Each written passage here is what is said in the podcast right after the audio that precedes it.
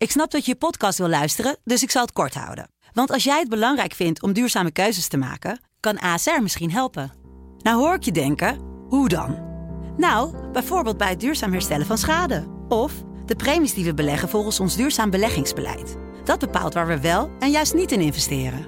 Wil je meer weten over welke duurzame keuzes ASR maakt? Ga dan naar asr.nl slash duurzame keuzes. ASR doet het. Zo, dan kan je nu lekker naar je podcast luisteren. Dit is de voetbalpodcast Kick-Off van de Telegraaf. Met chef voetbal Valentijn Driessen, Ajax volgen Mike Verwijn en Kamran Oela. Ja, goeiedag. Vrijdag 6 augustus nemen we deze podcast op. En eh, ja, chef voetbal Valentijn Driessen is er nog steeds niet. Dus Oh, het is hier veranderd, hè? ja, nou, ja, nee, hij is denk ik gewoon echt nog aan het genieten van zijn vakantie. Dat gunnen we hem ook. Misschien is hij de volgende week wel. En als hij er nog steeds niet is, dan in ieder geval over twee weken weer. Volgende week is hij hier. Is hij er zeker? Zeker. Je hebt hem gesproken? Ja. Mooi. Nou, op zijn eh, stoel eh, zit eh, Jeroen Kapteins. een van onze voetbalmannen. Volgt, volgt van alles. onder andere zelfs het Surinaamse elftal. Gaan Ja. we het ook gewoon nog over hebben, deze podcast, Jeroen. Ja.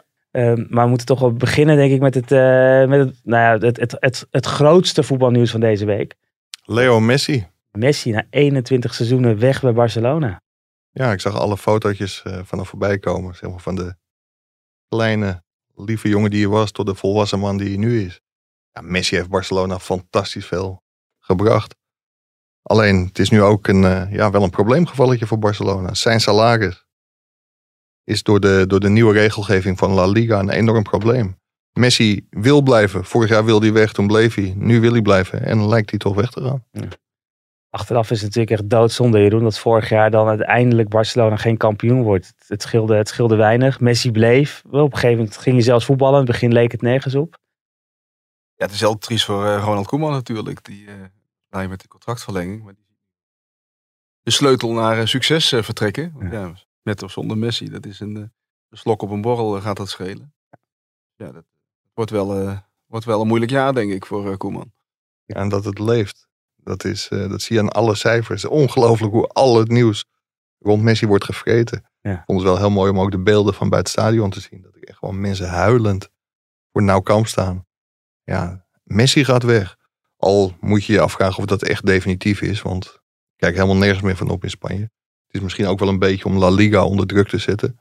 La Liga heeft nieuwe regels. En die hebben een salarisplafond eh, ingevoerd. En daar is Barcelona nu de dupe van. Eigenlijk is Barcelona de dupe van zijn eigen wanbeleid van de afgelopen jaren. Dus ja, ik sluit niet helemaal uit dat hij blijft. Want Messi had een aflopend contract. En mocht het afgelopen half jaar natuurlijk al lang met Manchester City of Paris Saint-Germain Mhm. onderhandelen. Dat heeft hij niet gedaan. Ja, zijn hart ligt bij Barcelona. Je kunt ook zeggen, je hebt zoveel verdiend. Kom lekker voor niks voetballen, betaal contributie. En ga alsnog een, eh, een seizoen door. Ja. ja, dat is dan waarschijnlijk toch een brug te ver. Maar het- ja, als hij weggaat is het doodzonde. Zeker voor Ronald Koeman. Maar ook voor Memphis, die zich heel erg had verheugd op voetballen Nou. met Messi. Ja, dat zit er dus niet in. Dat duo Memphis-Messi voor in bij Barcelona. Nou ja, je zag vorig jaar dat, eh, dat Messi toch dat hele elftal droeg. En eh, ja, als hij er niet bij is, en wat blijft er over? Dat, eh, dat is toch... hè? En ja, ze hebben ook niet echt heel veel geld om... om eh, ja, je kan er geen nieuwe Messi halen, maar om een, een vervanger te halen van een bepaald niveau, dat zit er ook niet in natuurlijk. Als je ziet wat voor bedragen er voor de, voor, eh, voor, voor de categorie eronder al wordt betaald. Dat hebben ze natuurlijk ook niet in deze Ze situatie. hebben natuurlijk wel veel talent. Hè? Onder andere die P3 die eh, op dit moment in de Olympische finale staat eh, eh, met, eh, met Spanje. Eh, heeft eerder dit- deze zomer ook het EK gespeeld. Ja. We wel vragen of hij dan een heel seizoen gaat volhouden. Ja, maar precies, dat is een hele goede vraag. En er zijn ook jeugdtalenten die niet bij willen tekenen. En het is overigens wel iets wat je al heel erg hoorde bij zaakwaarnemers. Hè, dat Engeland, daar blijft het geld tegen de plinten klotsen. Dat komt door die enorme tv-bedragen. Ja, dat zie je ook wel eh, aan de bedragen die nu geleg- neergelegd worden. Voor Jack Grealish, eh, voor Harry Kane. Ja, dat is eigenlijk niet normaal in deze tijd. Ook Nee. het geld waarvoor Chelsea Lukaku wil terugkopen. Dan denk je, ja, echt bizar dat dat nog kan. Maar Engeland is wel een markt waar nog heel veel geld uitgegeven wordt. Mm, En de Franse competitie, gek genoeg. Ja. Waar, eh, waar transfers nog wel mogelijk zijn. De Bundesliga is altijd heel stabiel. Maar in Italië en Spanje valt er niet heel veel te verwachten. de, eh, wat je meteen ook ziet is man hoogtepunten, dieptepunten. Maar hij stopt niet, dus dat, daar gaan we het nu ook niet over hebben. We gaan nu niet terugblikken op zijn carrière. Want Nee, als je het ziet lijkt het wel of hij is gewoon, overleden gisteren. eh, Bijna wel, ja. Ja. Het is echt, eh, maar hij gaat gewoon eh, door. En toch nog Spanje. Hè. Kijk, eh, uiteindelijk kan hij natuurlijk ook. Barcelona is zijn liefde. Maar heeft de afgelopen dagen hebben we ook gezien dat hij op de boot met Luis Suarez eh, stond vakantie te vieren. Een bondje daar naar Atletico voor minder geld. Ik denk niet dat Messi dat doet. Dan gooi je echt de afgelopen 21 jaar weg. En dat moet je dan niet willen. Dan kun je beter stoppen met voetballen, denk ik. Als je voor minder geld gaat voetballen, kan hij ook voor minder geld. Ja, hij ging al voor minder veel. Uh, voorstel als ze blijven. voor, voor veel minder geld te gaan voetballen bij 30%, Barcelona. Maar dan kan hij ja. er nog meer eh, afdoen als hij dan toch zo gaat voor minder geld. Ik denk niet dat Atletico meer gaat betalen dan, eh dan Barça op dit moment. Dat, Misschien, misschien leuk een hele grote crowdfunding actie in Barcelona. ja, een hele grote crowdfunding actie. Nou ja, je weet het niet, het zou zomaar kunnen. Ehm, eh, laten we er even uitgaan dat hij dus niet meer bij Barcelona gaat voetballen. Waar zien jullie hem het liefst? Jeroen? Ja, het zou misschien. Manchester City zou op zich wel een keer interessant zijn, toch? In de Premier League. Hij heeft natuurlijk een hele, hele grote klik met Guardiola. Aan de andere kant, Neymar eh, heeft hij ook nog steeds goed contact mee. Als hij weg gaat, zie ik hem wel naar PSG gaan. Of naar Manchester City. Dat zijn wel de twee meest logische. Hoewel hij ook in verband werd gebracht met, eh, met Amerikaanse clubs. Hm. Dus, maar ja, als hij weg gaat bij Barcelona, dan zie ik hem het liefst stoppen. En zelfs Argentinië werd genoemd, hè? Dus dat hij misschien eh, toch. Eh, daar heeft hij natuurlijk helemaal niet gevoetbald. Hij is op Nee. zijn 16 of, of nog jonger, geloof ik, eh, vanuit Argentinië naar, eh, naar Spanje gegaan. Gelokt met een, eh, een groeioperatie. Hè? Of Met een operatie waardoor hij eh, iets groter kon worden dan hij eh, eigenlijk zou worden. Dus ja, Nou, hij, dus- werd, hij werd volgens sommigen de grootste alle tijden. ja. En Mike had het genoegen om hem te interviewen toen hij eh, nog helemaal niet doorgebroken was hier op het jeugd. eh, Daardoor hebben Fanta en ik wel een extra dag moeten, moeten blijven in Barcelona. Was geen straf trouwens, maar Messi die, eh, ja, dat was geregeld door. Ga je eh, nou, de- ga je nou twintig jaar later klagen dat je een extra dag in Barcelona moest blijven? misschien een leuke kop voor de podcast. Messi, Messi, la- Messi laat voor wij wachten. Ja. ja, we hebben helemaal geen, eh, hebben helemaal geen eh, luisteraars meer. Nee, maar dat was, eh, ja, dat was wel heel bijzonder. Maar toen was hij nog niet zo groot als hij, eh, als hij nu is. Nog eh één laatste, als hij naar Paris Saint-Germain gaat, dat dan naar PSG, dan eh, die hebben toch wel wat een, wat een aankoop hebben die hebben Donnarumma in de goal, ze hebben nog eh, Ramos, Ramos gehaald. Wijnaldum. En dat Neymar blijft. Ja, Dus ze hadden ook nog een spits, geloof ik toch, die wel aardig kan voetballen. zal het dan eindelijk een keer lukken? Zoals die Champions League dan winnen? Ja, Dat, is- kan- dat is de grote vraag. Is de Champions League titel eh, die te te koop? Ja, nou ja, dat is in het verleden natuurlijk wel bewezen dat die te koop is. Ja. Ze komen er steeds dichterbij. Hè? Dus eh, we zullen het... eh, misschien eh, is dit het, eh, het jaar voor PSG. En voor de mannen uit Qatar. Hè? Want eh, die hebben dat, eh, dat prestige, daar zijn ze naar op zoek. ik wil dat één luisteraar, bedenk ik nu opeens, echt woest is op, nu op dit moment. De broer van Pim CD. Eh, nou ja, die is dan in ieder geval genoemd. Nee, want ik begon met het, het grootste, het belangrijkste voetbalnieuws van deze week. Ja, dat, ik denk dat Van Gaal denkt, eh, Messi, het grootste, belangrijkste voetbalnieuws van deze week is toch dat ik ben aangesteld als bondscoach voor de derde keer. Nee, maar Louis zal denken van dat meldde de Telegraaf op 22 juli al. Ah, oké, Dus dat, is al lang... eh, Dat was niet van deze week, dat was van eind juli. Ja, dat hebben we al weken geleden behandeld. Heel goed, Mike. Nog even mijn veren in, in de eigen... eh nee, Ja, dit kwam van Valentijn inderdaad. Dus. Ja, ja, nou ja, in, eh, in, ons eigen dan in dit Ja, ja, geval. eh. nou, laten we het ook zo over eh, Van Gaal gaan hebben. Zullen we gewoon de stellingen doen? Eh, weet je het nog, Jeroen, hoe het Ja. werkt? Eh, eens, eh, oneens. Als je de stelling niet snapt, dat is meestal het geval, dan eh, moet je dat gewoon aangeven. En, Geen ontkenning, hè? Dat doet Pim altijd. Nee, ik, ik ga nog denk ik gewoon ter plekke ook wat, eh, wat vragen bedenken. Nou, laten we gewoon, eh, laten we gewoon kijken naar wat, we, wat onze Hein heeft voorbereid. PSV is de enige uitdager van Ajax dit seizoen. Eens, Eens. Danilo moet de eerste spits van Ajax worden. oneens. Al die fles drank is onder je bureau vandaan, alsjeblieft. Oneens. PSV moet er alles aan doen om Madueke te behouden. Eens, Eens. Leeggekochte AZ moet vrezen voor het seizoen. oneens, Oneens. Eén keer Messi. Koeman heeft Messi helemaal niet nodig. oneens, Oneens. Guus Til wordt de smaakmaker van de eredivisie. oneens. Ik ook oneens. Nou, Wat zijn wij eensgezind? ja. Nou, wat, wat zijn jullie ook oneens met de stellingen? Geen ontkenningen, maar wel alleen maar oneens. Eh, laten we met het laatste beginnen. Want eh, Feyenoord heeft eh, nu een Europese wedstrijd gewonnen. overtuigend. Ja, en echt geweldig wat Guus Til doet. Hij sleept Feyenoord er doorheen tegen het machtig grote, oh nee, enorm kleine Drita. En ook tegen, tegen was hij heel belangrijk.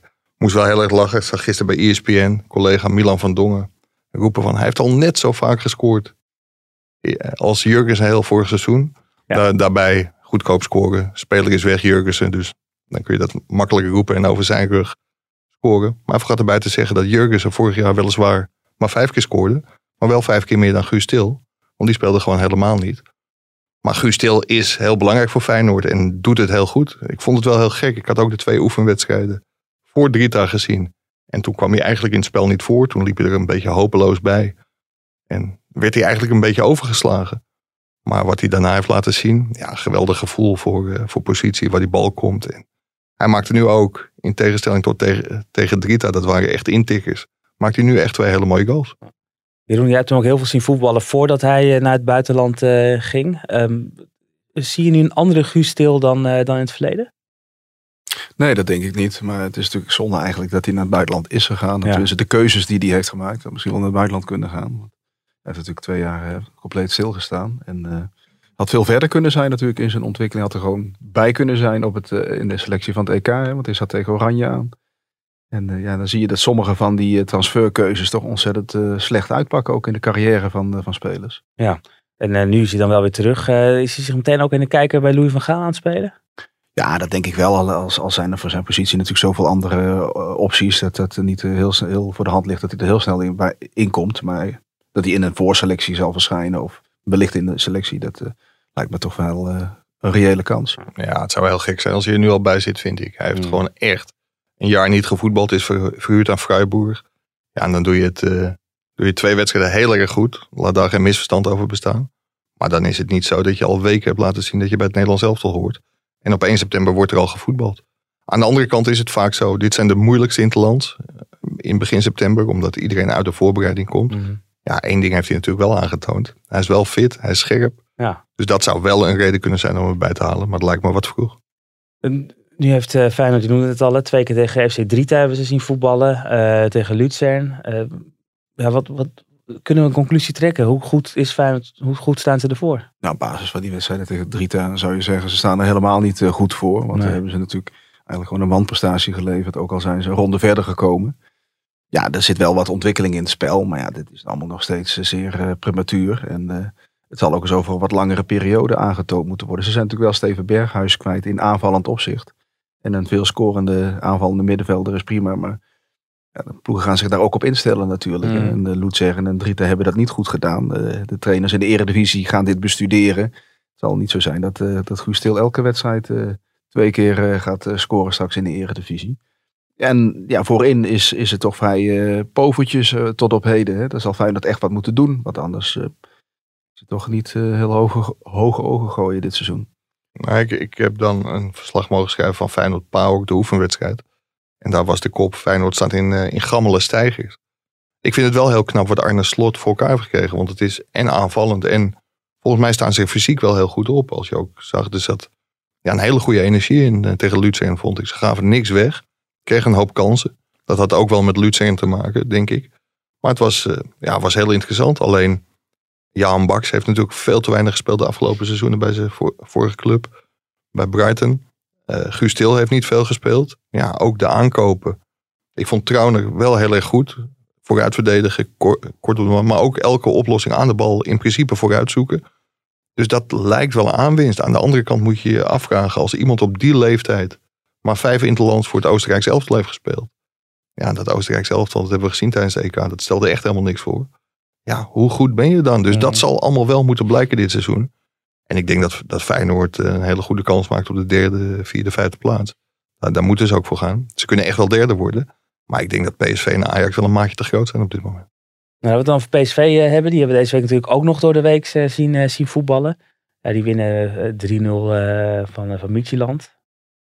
Ja, je ziet nu eigenlijk hetgeen wat, wat beloofd werd of wat voorspeld werd toen, toen Schmid kwam. Hè? Dus nog veel energie en uh, druk vooruitgeven en veel vooruitvoetbal. Dat zie je nu eigenlijk pas terug. Hè? Daar heb je uiteindelijk het hele vorige seizoen een beetje op zitten wachten. Wanneer komt dat nog? Ja, nu is het die machine die, uh, waarvan je had verwacht dat, dat, Smit die neer zou zetten. Dus dat ziet er wel heel goed uit. Ja, aan de andere kant ook hiervoor geldt. Het zijn nog maar enkele wedstrijden waarin ze het hebben laten zien. Ook tegen ploegen met grote problemen. Midtjylland had uh, corona-uitbraak en allerlei spelers waren er niet. Dus dat zal ook op een langere periode aangetoond moeten worden. Maar de, de eerste voortekenen zijn natuurlijk super positief eh, wat Ja. PSV betreft. Ja, het ziet er allemaal energiek uit, hè? Het zit, het- Ja, het- er zit enorm veel power in. Ook eh, creativiteit, snelheid. Dus dat, dat is echt heel goed. Het enige wat eh, zwakke punt vind ik tot op heden die rechtsbackpositie. Dumfries. En dan is het toch apart dat je een geweldige rechtsback nog ergens op een veld hebt lopen. En, en dat die niet mee kan doen omdat hij niet mee traint en niet inzetbaar is. eh, omdat je een transfer moet maken. Dat Ja. is toch een, eh, een rare situatie. En We hadden het vorige week hier al even over. Hè? Toen, werd, toen met, Marcel van der Kraan ook. Het was het, ja, de komende paar dagen, een paar etmalen worden daar wel echt belangrijk in. Eh, maar het duurt al een week. Het is toch wel Ja. stil. Ja, en ik, ik vind wel verbazingwekkend dat PSV, wat dat betreft de spelers, lees Mino Raiola, want en Malen en Dumfries zit bij Mino Raiola, dat die toch wel de macht in handen lijken te hebben. Want als club kun je ook gewoon zeggen, zoals Vitesse, ik had Jeroen net even aan de telefoon toen we hier naartoe reden. Jeroen zei terecht van, als je ziet hoe belangrijk Bassoer Ja. gisteren was, ja, als hij onder contract staat, kun je hem opstellen. En ik snap ook wel dat je misschien uit financieel oogpunt geen risico wil nemen, want stel je voor dat hij wel zijn knie verdraait of zijn been breekt ja, dan heb je een probleem. Want dan verlies je dus heel veel miljoenen. Maar hij staat tot je beschikking en dan denk ik echt, stel hem nou gewoon op. Alleen, kennelijk heeft Smit niet in macht. Of vanwege de clubleiding die zegt hij speelt niet. Of vanwege Dumfries en Mino Raiola die zeggen hij speelt niet. Ja, dat vind ik heel gek. Ja. Zeker als je ziet bij Vitesse hoe belangrijk een speler kan zijn. Want dat Dumfries kan voetballen, dat hebben we afgelopen EK natuurlijk gezien. je kan er ook anders naar kijken. Hè. Eh, eh, Dumfries eh, moet nu verkocht worden. Maar in het verleden hebben we ook een situatie gehad dat iedereen dacht... dit is het moment voor Memphis Depay en Jorginho Wijnaldum om verkocht te worden. Dus zei Toon Gerbrands, nee, we gaan het anders doen. Ze tekenen juist een extra jaar bij. Hè, ze blijven hier om nog een keer kampioen te worden. Dat heeft Dumfries natuurlijk ook niet meegemaakt. Kampioen worden met PSV. En, eh, en, en dat pakte geweldig uit. Hè. Depay en Wijnaldum leidden PSV toen naar de eerste titel... In een hele lange na een hele lange periode zonder titel. En maakte vervolgens alsnog die mooie eh, transfer naar het buitenland. Ja, dat zou je in dit geval ook eh, kunnen doen. Want op dit moment is die, die rechtsback-positie, hoe die ingevuld wordt, dat is natuurlijk gewoon wel een soort missing link. Want dat is niet geweldig hoe Muene dat doet, maar ook hoe These dat doet, is niet vergelijkbaar met wat Dumfries kan brengen. Nee. Maar wa- wat je natuurlijk wel kunt afvragen. Kijk, Inter schijnt net niet aan de vraagprijs van PSV te willen of te kunnen voldoen. Ja, gaat Lukaku eh, op het vliegtuig naar Chelsea. Dan komt er natuurlijk heel veel geld vrij gaat om, geld rollen, om die deal alsnog rond te maken. Dus dat hij uiteindelijk zal vertrekken, dat, dat geloof ik ook wel. Ja. Alleen, ik vind, het is zo belangrijk voor PSV om die Champions League te halen. Maar ook voor het Nederlandse voetbal. Benfica uit, dat wordt een hele lastige klus normaal gesproken in de play-offs. En dan kun je Dumfries heel goed gebruiken. Misschien is hij tegen die tijd al weg hoor. Maar is dat niet zo? Dan denk ik echt, stel hem op. Want anders doe je jezelf als club tekort. Maar ook het Nederlands voetbal gewoon Want tekort. het zijn tientallen miljoenen. Hè? Als je de Champions League haalt, die gewoon de kans binnenstromen van PSV. Zeker, ja. Ja. Ehm, en, en Mario heeft natuurlijk tot nu toe wel een 100% score. Hè? Stenks weg, eh het, ehm Boadou, Kluivert. eh, Kluivert, Malen. Nou hij bij Nice natuurlijk een, een, eh, soort van vinger in de pap, een hele Ja. makkelijke ingang. Dus eh dan kan hij zelf de spelers eh, ongeveer binnenbrengen die hij wil binnenbrengen. En is- is- is het naar, eh, naar AS Monaco. Goeie stap. Ja, Monaco is, eh, zeg maar de mensen die ik heb gesproken. Heel veel mensen vinden Monaco een van de beste. Misschien met PSG, zeg maar de, echt de beste ploeg van, eh, van Frankrijk hebben. Hm. Ja, geweldige stap. Ik vraag me af hoeveel tijd hij nodig heeft om daar echt een vaste basisspeler te worden. Want ik was afgelopen seizoen niet heel erg onder de indruk van hem. Maar dat hij potentie heeft. Hij heeft ook op hele jonge leeftijd zijn debuut in het Nederlands elftal gemaakt. Ik denk wel dat het een hele mooie stap voor hem is. Wat ik me wel afvraag. Kijk, Nice wil dan ook weer aanhaken bij de top. Er worden wel spelers gehaald. Stengs, Kluivert, eh, Rosario. Zijn dat jongens die gelijk in de Franse competitie het verschil gaan maken? Ja, ik weet het niet. Of dat, want de, de Franse competitie is fysiek een enorm zware competitie. Ik, eh, En of je ook die druk ook op die jongens kan leggen. Want ze, een Rosario en een Kluivert die, die, en Stenks ook, die voetballen al jaren mee. Maar zijn nog allemaal begin twintig. Het zijn echt nog eh, jonge jongens. Best een leuke voorhoede. Als je dit eh, drie jaar geleden had gezegd. De Ja. voorhoede van Nice bestaat over drie jaar uit Stengs, Dolberg en Kluivert. Dan was je waarschijnlijk voor gek verklaard. Ja, nou, we, we gaan zien hoe dat, eh, hoe dat daar eh, zal, eh, zal gaan. Ehm, even weer terug naar, eh, terug naar eh, PSV. Dus Dumfries komende week trouwens. eh, verwachten we daar nieuws iets over? Ja, dat ligt denk ik ook een beetje aan Lukaku. Maar je zou zeggen, als PSV hem nu nog aan de kant houdt. Ja, uit bij Midtjylland kan het. Dan, ja, dan zou je verwachten dat het wel een keer moet gaan gebeuren. Dus wellicht dat het komende week gebeurt.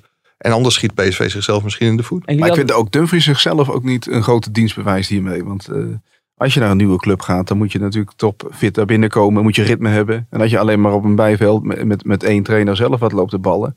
Je komt natuurlijk ook niet heel lekker binnen. En, Ja. en eh, het is ook belangrijk om een goede voorbereiding eh, te hebben. En eh, ja, dat, dat- heeft hij nu op deze manier natuurlijk niet. Ehm, eh, ik, hoorde, je- ik hoorde je wel goed hoor, Mike, net. Je- Want je noemde Bazoer ook. Jullie hadden net even Bazoer gehad. Hè? Want eh, die, gaat, die, wil, die, die wil vertrekken, maar dat, dat zit er aan te komen. Want eh, jullie zeiden dat hij speelt gewoon dan wel. Hij zit al heel lang in de wachtkamer bij, eh Mike heeft daar eerder over geschreven, bij Ja. Olympique Marseille. En ja, die hebben tot op heden niet doorgepakt. Die hebben ook weer financiële problemen. Maar ja, deze week lezen we ook dat ze bezig zijn met een andere Nederlandse speler, Mickey van der Ven. Dus ja, daar zal het uh, Bazoer ook wel een beetje van opkijken hoe, de, hoe dat dan precies zit. Ja, da, da, daar, sorry dat ik je onderbreek, eh, Jeroen. Maar daar vind ik wel dat Ajax zit te slapen.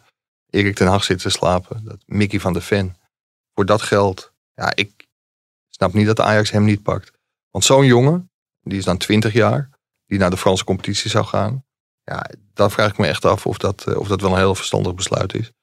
Hij speelt in je achtertuin bij FC Volendam. Mhm. En dat, dat Ajax dat niet ziet of niet wil zien. Ja, het verbaast me. Het verbaast me echt heel erg. En, en, en Bazoer? Zou dat nog iets voor Ajax eh, kunnen zijn geweest? Nee, daar is een hele dikke streep doorheen gezet. En dat heeft ook met zijn vertrek te maken. Dat ging natuurlijk niet heel goed. Daar, eh, daar ging een, eh, een ruzie aan vooraf. Ik denk dat Mark Overmars het diep in zijn hart wel zou willen. Want het is toch een mislukt projectje geweest. Hij is op hele jonge leeftijd van PSV naar Ajax gekomen. Maar nee, ik denk niet dat dat heel realistisch is. Ehm, laten we dan eh, de, stap maken naar, eh, naar Ajax. eh, want eh, de Johan Cruijffschaal, uh, wilde je nog Ja, ik, zeggen? wil- ik wilde zeggen, bovendien heeft Ajax nu, eh, nu Gravenberg, die Bassoer al Ja. lang heeft doen vergeten. Ja, maar kijk, Bazoer is natuurlijk wel op een andere positie ook gaan voetballen. Zeker bij Vitesse Ja. vorig jaar natuurlijk heel bijzonder om te zien hoe hij dat hele elftal op sleeptouw neemt eh, samen met uh, Tanane. Maar Ja, maar dat was een positie waar hij bij PSV niet meer wilde voetballen centraal achterin. Ja. Dan is het bij Vitesse weliswaar in de vijfmans defensie. Dus dan kun je ook nog eh, meer middenvelder worden dan, eh, dan verdediger. Maar ik denk niet dat Ajax hem, eh, en zeker niet voor een vijfmans verdediging achterin gaat nee, dan kijk, kijk nou uit voordat je wat zegt. En Hein heeft alle jingles nog klaar hoor, van het EK liggen. Dus dan krijgen we weer de 532 eh, alarm. Oh. Dus laten we dat, laten we dat niet doen. Heb je het 5-3-2 al? hè? Nee, nee, nee, Nee, nee, laten we dat nee, niet nee. doen. Kijk, Nee, die jongen die wordt helemaal Nee. wild hier. Nee, nee. Ehm, laten we het... Haak ik je verhaal zeker af. Ja. ja, zaterdag dan de Johan Cruijffschaal tussen Ajax en eh, PSV om eh, 8 uur s avonds geloof ik. En dat wordt sowieso een bijzondere wedstrijd hè? De laatste wedstrijd van Everton Napel, of bedoelde je dat niet? Nou ja, de Even Napel die, eh, die, die is trouwens ook eh, in een video bij ons. En eh, we hebben geloof ik ook nog een groot interview zaterdag in de krant. Dus dat, eh, Nee, maar jij, jij, doelt op Jurgen ja Kuipers natuurlijk. tuurlijk. De, de scheidsrechter die, eh, die voor het laatst, laatst gaat fluiten. Fantastisch EK gehad. Bekroond, beloond met de EK-finale. En we hebben hem aan de lijn. Nou ja, je zit vol verrassingen weer. Eh, Björn Kuipers, goeiedag. Goeie, goedemiddag. Ja, een, eh, een, een dag voor de, voor de afscheidswedstrijd. De slaaploze nachten lijkt me. Ehm, dat is een beetje te veel van het goede, denk ik. Maar het is wel leuk om naar die laatste wedstrijd toe te leven, ja. Ja, hoe, hoe doe je dat? Hoe leef je toe naar, zo, naar, naar deze Johan Cruijffschaal? Is dat anders dan naar andere finales die je gefloten hebt? Ja, het is wel anders. Ik weet dat het mijn laatste is. Ehm, ik weet dat ehm, ehm, eh, mijn laatste fluitsignaal in die wedstrijd zal klinken op het allerhoogste niveau. Ik weet dat Team Kuipers ophoudt te bestaan. Dus dat is wel iets anders ja, dan eh, andere wedstrijden. En dat ik stop, dat maakt het, wat, eh, dat maakt het juist wat anders. Ja, kun, kun je nog, je hebt een interview gegeven, ook uitgelegd waarom je stopt. Je stopt op je hoogtepunt, maar kun je dat voor onze luisteraars ook nog één keer uitleggen, Björn? Ja, omdat het gewoon niet mooier wordt, Mike. Ik bedoel, eh, ik heb alles gezien, ik heb alles beleefd, ik heb alles meegemaakt. Het was, eh, was gewoon een fantastische carrière die ik nooit heb voorzien hè, toen ik begon met fluiten. En op een gegeven moment eh, eh, moet, je, moet je volgens mij ook zeggen, het is mooi geweest. En ik heb dat moment eigenlijk eh, gehad toen, voordat ik die finale floot op het EK, dacht ik, als ik die mag fluiten, dan stop ik ermee. Nou, toen ben ik toch even weer in, eh, een, eh, ja, in, in, aan het wankelen gebracht. Misschien wel eh, weet je, een beetje het gevoel van ga ik nou door of ga ik niet door. Je kunt me zeggen één keer dat je stopt. En uiteindelijk heb ik besloten om te stoppen. Omdat ik gewoon vind dat eh, we ten eerste ook een hele goede gave generatie hebben klaarstaan. Hè, die, eh, die heel veel mooie wedstrijden kan gaan fluiten. En ik heb het allemaal wel gezien. Ik heb het allemaal beleefd. En ik heb een fantastische mooie carrière gehad. Ik met heel veel plezier op terugkijken. Nou was het op Wembley heel bijzonder, omdat naast je vader en, en vrouw ook je kinderen aanwezig waren. Wie, wie neem je mee naar de arena, Björn? Ja, eigenlijk ook mijn vader en mijn moeder. eh, mijn schoonouders, eh, wat vrienden. En ook uh, natuurlijk uh, Marlies en de kinderen. En uh, dan gaan we na de wedstrijd gaan we met elkaar het, nou ja, even wat eten. En ik denk het glas heffen op, op een super gave periode als scheidsrechter.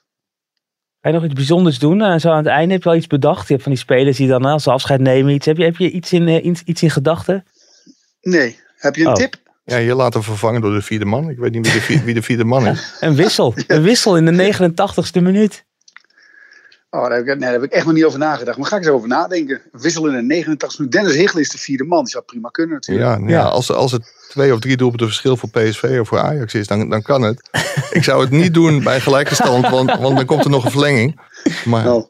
Nee, verlenging hebben we niet in Johan Cruijffschap. nee, worden penalties gelijk, hè? Ja. Ja, ja. Dus dat, Ik eh, wilde shoot-out zeggen. Ik zit zo in, dat, eh, in die Olympische Spelen. Eh, Meteen shoot-outs dacht ik. Maar eh, gewoon, eh, gewoon, gewoon pingels, eh, ouderwets. ja, gelijk. Ga- gaan de emoties nog op eh, spelen, Björn, denk je?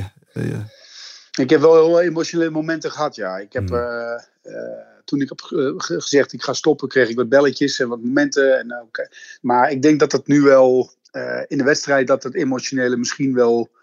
Ik weet het niet. Kijk, die fluit die heeft me overal gebracht. Eh, over de hele wereld prachtige momenten, prachtige wedstrijden, prachtige stadions. Met eh, heel veel gave eh, ontmoetingen.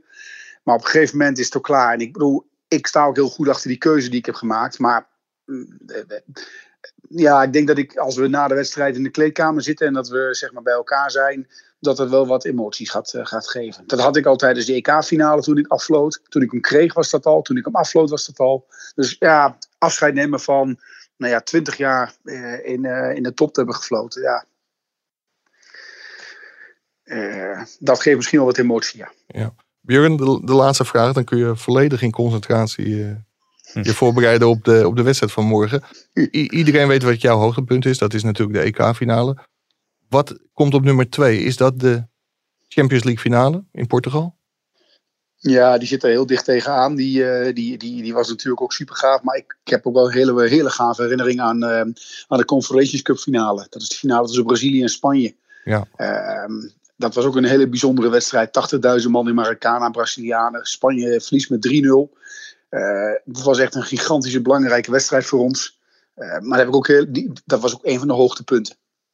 Ja, kan me voorstellen. Nou, dankjewel voor de, voor de mooie samenwerking al die jaren. We spreken elkaar wellicht morgen nog. Op zaterdagavond, eh, moet ik zeggen, voor de luisteraars. En we zien Ja. elkaar. Heel veel succes, eh, Björn. Dankjewel. En dat was dus eh Björn Kuipers, de scheidsrechter, die de Johan Cruijffschaal eh, fluit. En daarmee dus eh, het einde van, zijn, van zijn carrière. Laten we vanuit Björn Kuipers ook gewoon weer doorgaan naar de wedstrijd. Ehm, en, en over hebben hoe, hoe, ver hoe ver de spelers zijn. En nou, of Ajax of PSV er beter voor staat. Laten we even naar Wesley Sneijder luisteren. Die had daar wel een, iets, iets over te zeggen als analist. Het is ook mooi om te zien dat hij tegenwoordig als analist natuurlijk op tv te horen is. Nou ja, sowieso heeft PSV nu al serieuze wedstrijden gespeeld. Ja. En, en, en Ajax alleen maar in principe oefenpotjes. Dit is de derde wedstrijd voor PSV waar, waar, waar- ja, waar het ergens om gaat. Dus die zijn al veel verder in hun beleving. In hoe ze, eh, wat, ze, wat ze willen bereiken en, en hoe ze willen staan. Eh, eh, het systeem, en dat lijkt wel eh, ja, een voordeel voor, voor PSV. En, en zij zullen eh, met, met de kwaliteiten die ze nu hebben dit seizoen, zullen ze het Ajax heel erg lastig Maar, maken. ja. En, en ik ben benieuwd echt hoe, eh, hoe ver ze nu al, hoe, ja, waar ze al staan ten opzichte van Ajax. ja, oefenpotjes ten, ten opzichte van en gewoon wedstrijden die erom doen. Ja, ik snap heel goed wat hij bedoelt. Je kunt het ook andersom uitleggen. En je kunt zeggen van... Ajax kan de volledige focus op die Johan Cruijffschaal hebben. En PSV heeft veel belangrijkere wedstrijden in deze voorbereiding. Hoewel het voor PSV ook wel leuk zou zijn om weer een keer een prijs te pakken. Maar ik denk dat PSV toch rekening zal houden met de wedstrijd tegen Michieland. En is het niet de wedstrijd tegen Michieland, dan is het de week daarna Tegen, tegen Benfica waarschijnlijk. Gaat PSV de sterkste opstelling spelen, denk je, Jeroen? Ja, nou Schmid eh kennende zal hij toch wel eh, wat, eh, eh, wat, wat aanpassingen doen. Dat heeft hij vorig jaar ook gedaan. Ehm, maar ik denk toch wel dat het ook wel een heel belangrijke wedstrijd is voor PSV. Niet dat die Johan Cruijffprijs nou eh, schaal een heel belangrijke prijs is. Maar vanuit de psychologie, hè, ze kunnen, vorig jaar hebben ze toch eigenlijk een veel te grote achterstand zijn ze geëindigd op, eh, op Ajax. In de toppers het niet laten zien. En ehm, kijk, nu hebben ze, kunnen ze toch een beetje druk op de ketel zetten door een hele goede wedstrijd tegen Ajax te spelen en, en te winnen. Dan zetten ze toch een bepaald punt ook Ja. richting het nieuwe seizoen.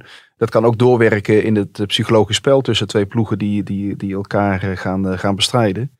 Dus ik denk dat het, dat het ook absoluut wel een hele belangrijke wedstrijd is. Het- In het verlengde hiervan is het ook, hè, hoe fit zijn eigenlijk de spelers? En eh, eh, ook daar weer zo'n mooie analist, eh Rafael van der Vaart, die, die, die, die had het over de fitheid. Hè? Dat in, in zo'n voorbereiding, dat het altijd maar ingewikkeld is. Je komt met kilootjes te veel aan.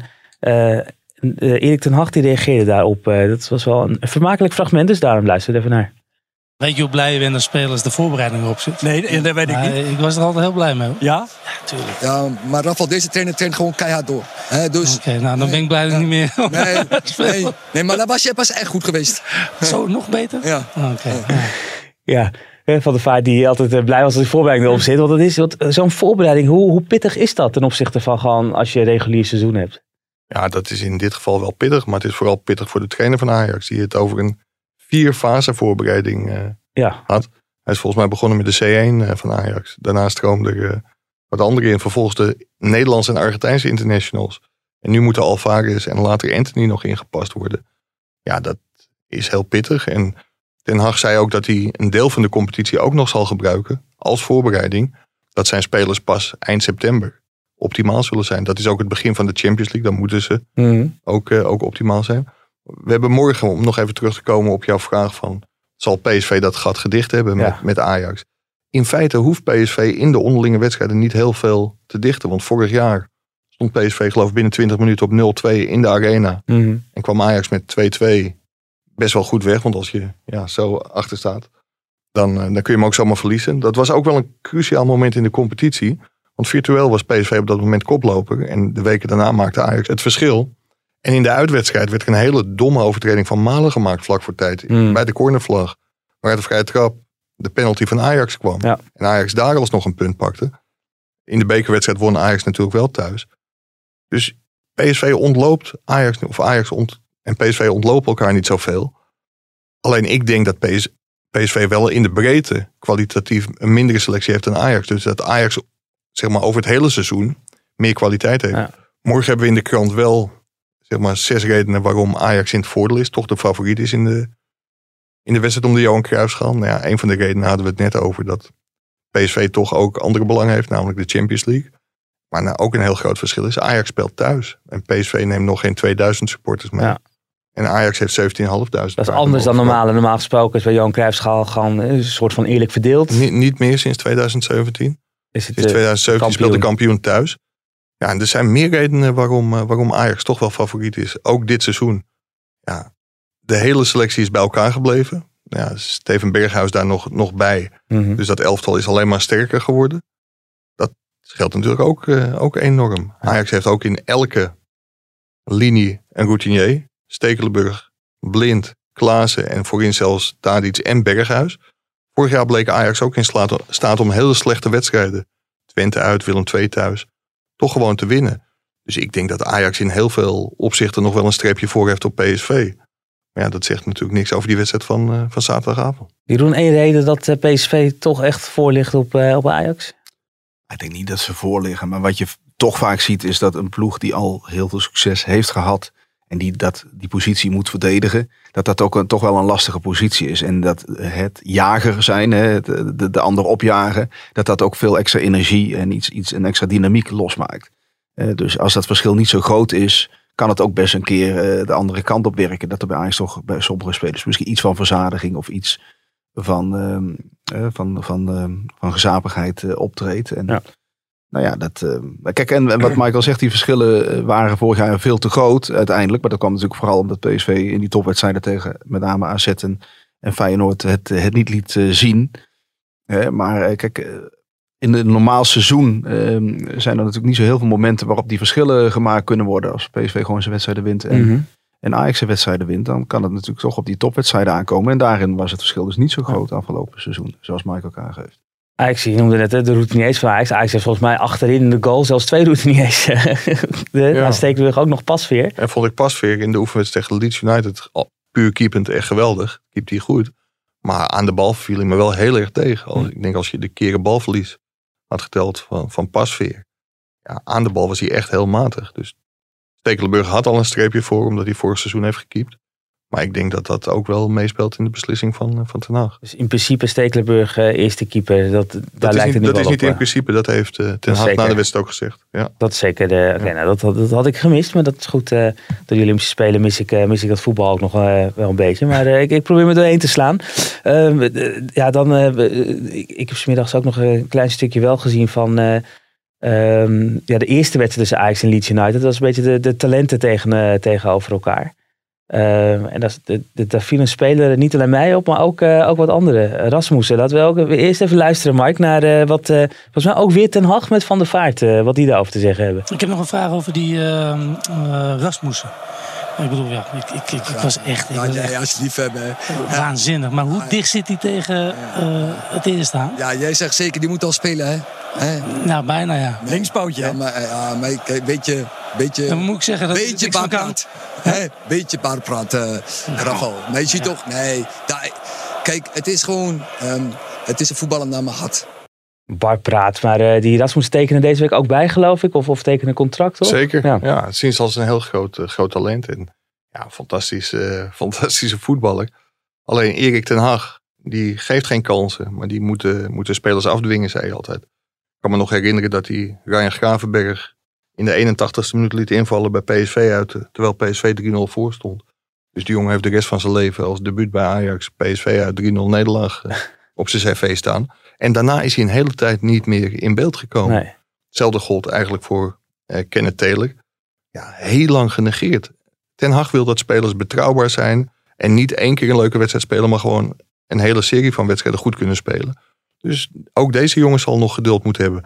Dan viel me wel op in die wedstrijd. Er stond een linksback achter hem. Dat Rasmussen is heel erg gebaat bij coaching en betrouwbaarheid achter zich. Ja, en als je hem dan laat voetballen. Ik hoop echt dat hij dit seizoen wel minuten gaat maken als invaller.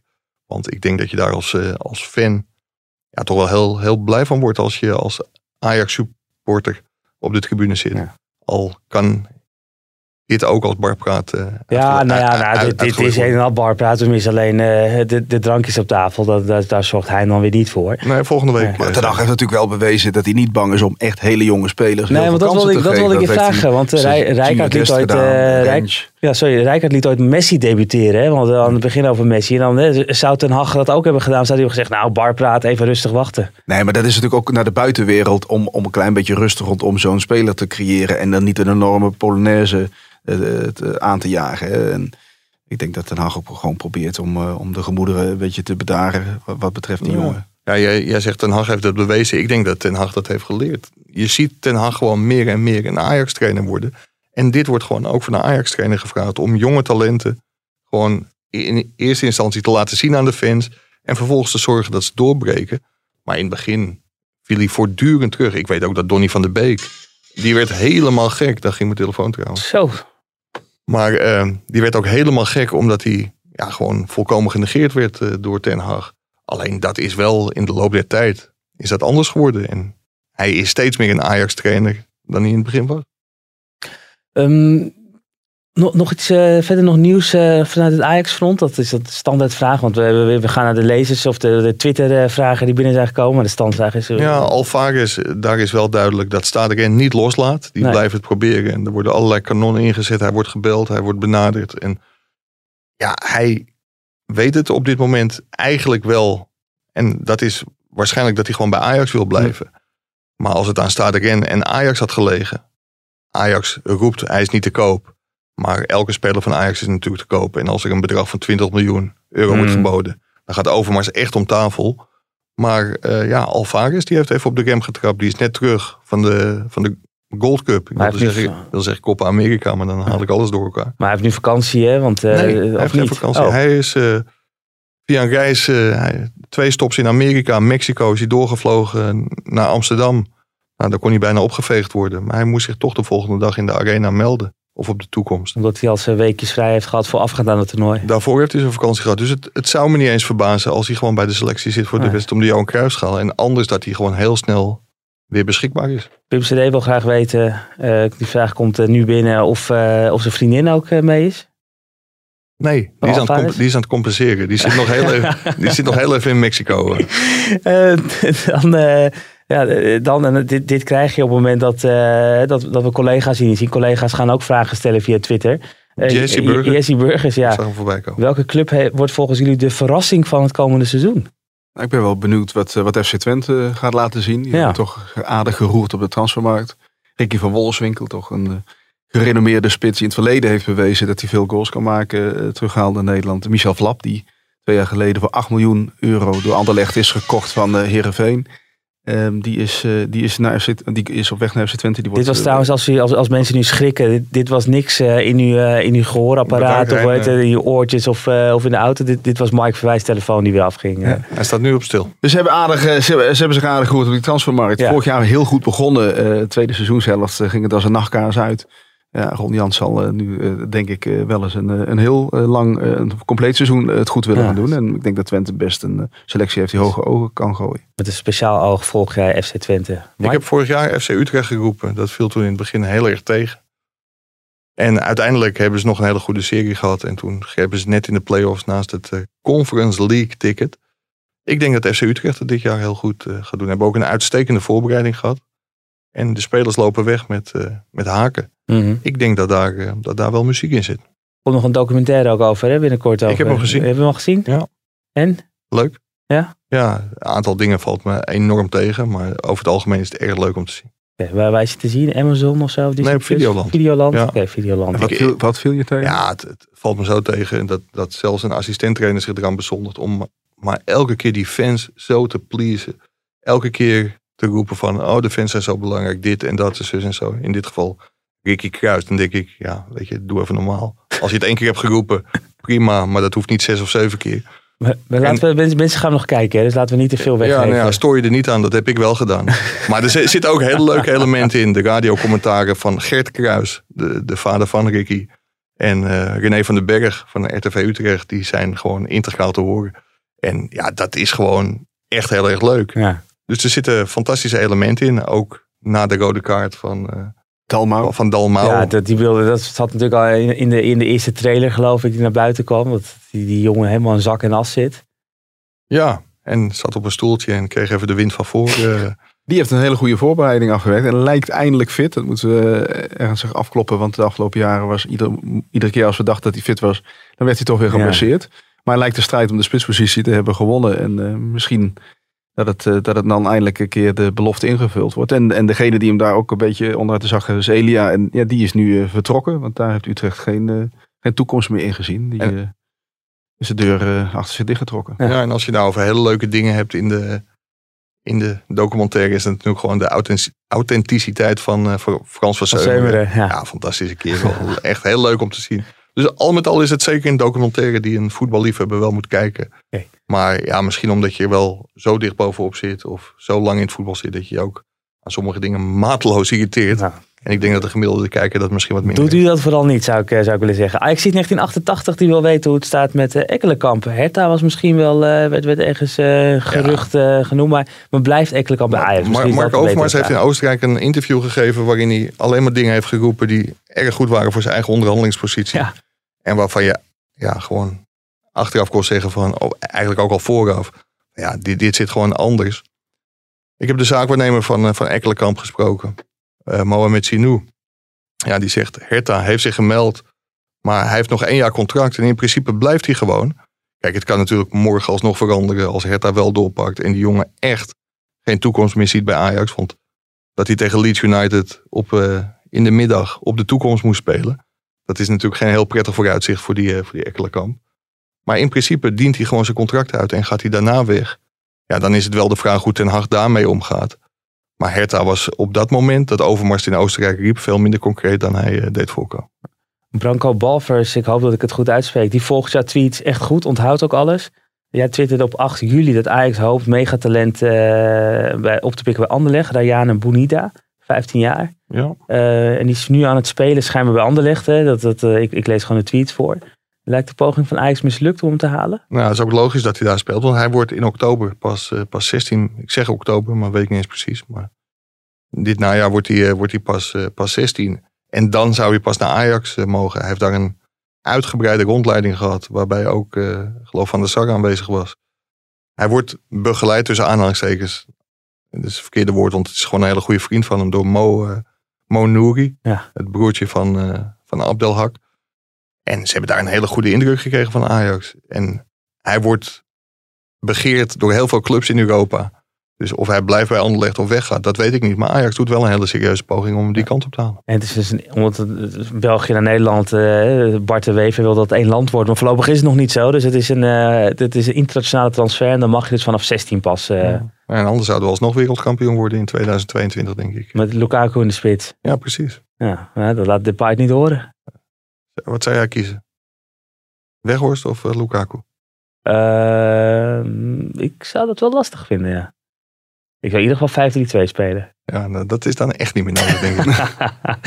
Eh, Je het- je zou het er niet lastig vinden om te kiezen tussen Lukaku Nee, en natuurlijk Weghorst. niet, eh, Nee, Jeroen. eh. het, is de, het is de rol van de presentator. hè. Die moet niet. Ah, die, je- die dat moet was niet- eh, die ironisch bedoeld. Ja, die moet niet de ik- ik- deskundigheid van jullie ik overnemen. heb de Dat, grap ook niet vaak door, eh, Jeroen. Ja. nee. Nee, maar ik wil gewoon dat jullie de deskundige lui blijven. Hè? Dat, ik, eh, dat ik hier maar een beetje de, de, de domme dingen zeg. eh. dat kan ik ook gewoon mezelf zijn. Nou, tot dusver slaag je daar goed. Ja, dank je. Ik heb nog even over nog eh, andere vragen. Oh nee, dat is geen vraag. Ik had zelf nog, een, nog- nog, iets. De, de, de topscorer vorig jaar, Giacomakis, Zit gewoon nog bij VVV. die gaat gewoon bij VVV spelen? Ik, ik denk, en dat, dat is ook puur op basis van de zaakwaarnemers die ik de afgelopen week heb gesproken. Ik denk dat er een gigantisch probleem gaat ontstaan voor heel veel voetballers. Door de coronacrisis hebben heel veel clubs het financieel zwaar. Dus in Nederland zijn er eh, 34 clubs, als je de tweede teams niet meerekent in de Jupiler League. Keukenkampioen divisie, sorry. Als iedereen gewoon drie of vier spelers minder in zijn selectie neemt, dan kun je uitrekenen hoeveel spelers er gewoon op straat komen te staan. En dat zal ook gevolgen hebben voor de gemiddelde salarissen. Ik denk dat, eh, dat sommige clubs, nou, Je- Jeroen weet daar alles van. Thomas Bruns, toch een hele goede voetballer geweest. In ieder geval een nuttige voetballer. Mhm. Gewoon zonder club op dit moment. Ja. En ik denk dat sommige clubs en sommige spelers, of vooral sommige spelers, toch wel een beetje over zichzelf overschatten. En dat er een groot probleem gaat Maar ontstaan. Maar de topscorer van Nederland zou je toch wel verwachten dat in de tweede divisie, in de championship in, eh, in, in Engeland of, eh, of ja, misschien maar, wel maar in de kijk top in het de buitenland natuurlijk toch wel met een korreltje zout de topscorer van Nederland de afgelopen jaren. En, en dat is al heel lang aan de gang is bewezen dat de topscorer van Nederland in het buitenland vaak niet een topscorer is. En de Nederlandse competitie eh, spitsen opstaan en ineens enorm veel goals maken. En ja, dan worden ze getransfereerd voor veel geld. En eh, de, in het buitenland bewijzen ze het niet. Hè. Vincent Jansen of, of Björn Vlemings. Of, er zijn er zoveel eh, voorbeelden Mm. van, eh, van, van te noemen in, eh, in de afgelopen Of jaren. Alves.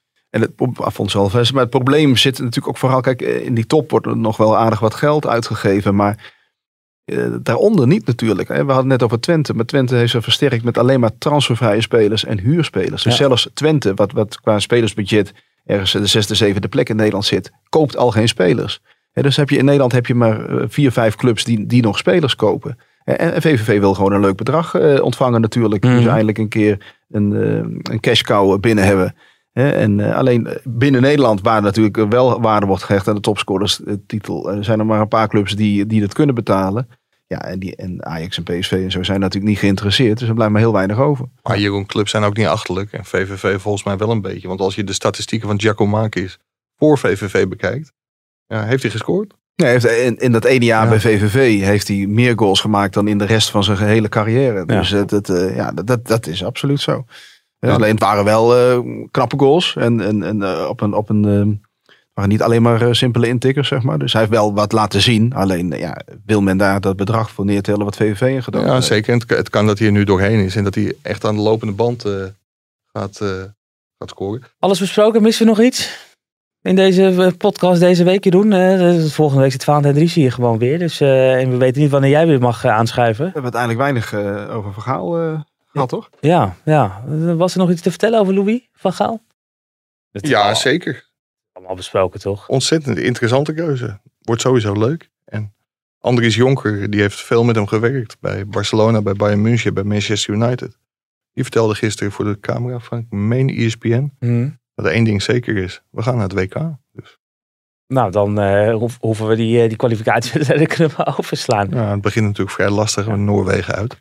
Maar als we daar eh, goed doorheen komen, dan eh Over- staat niets het WK in de weg. Over anderhalf week al de eerste voorselectie, geloof ik, hè? Ja.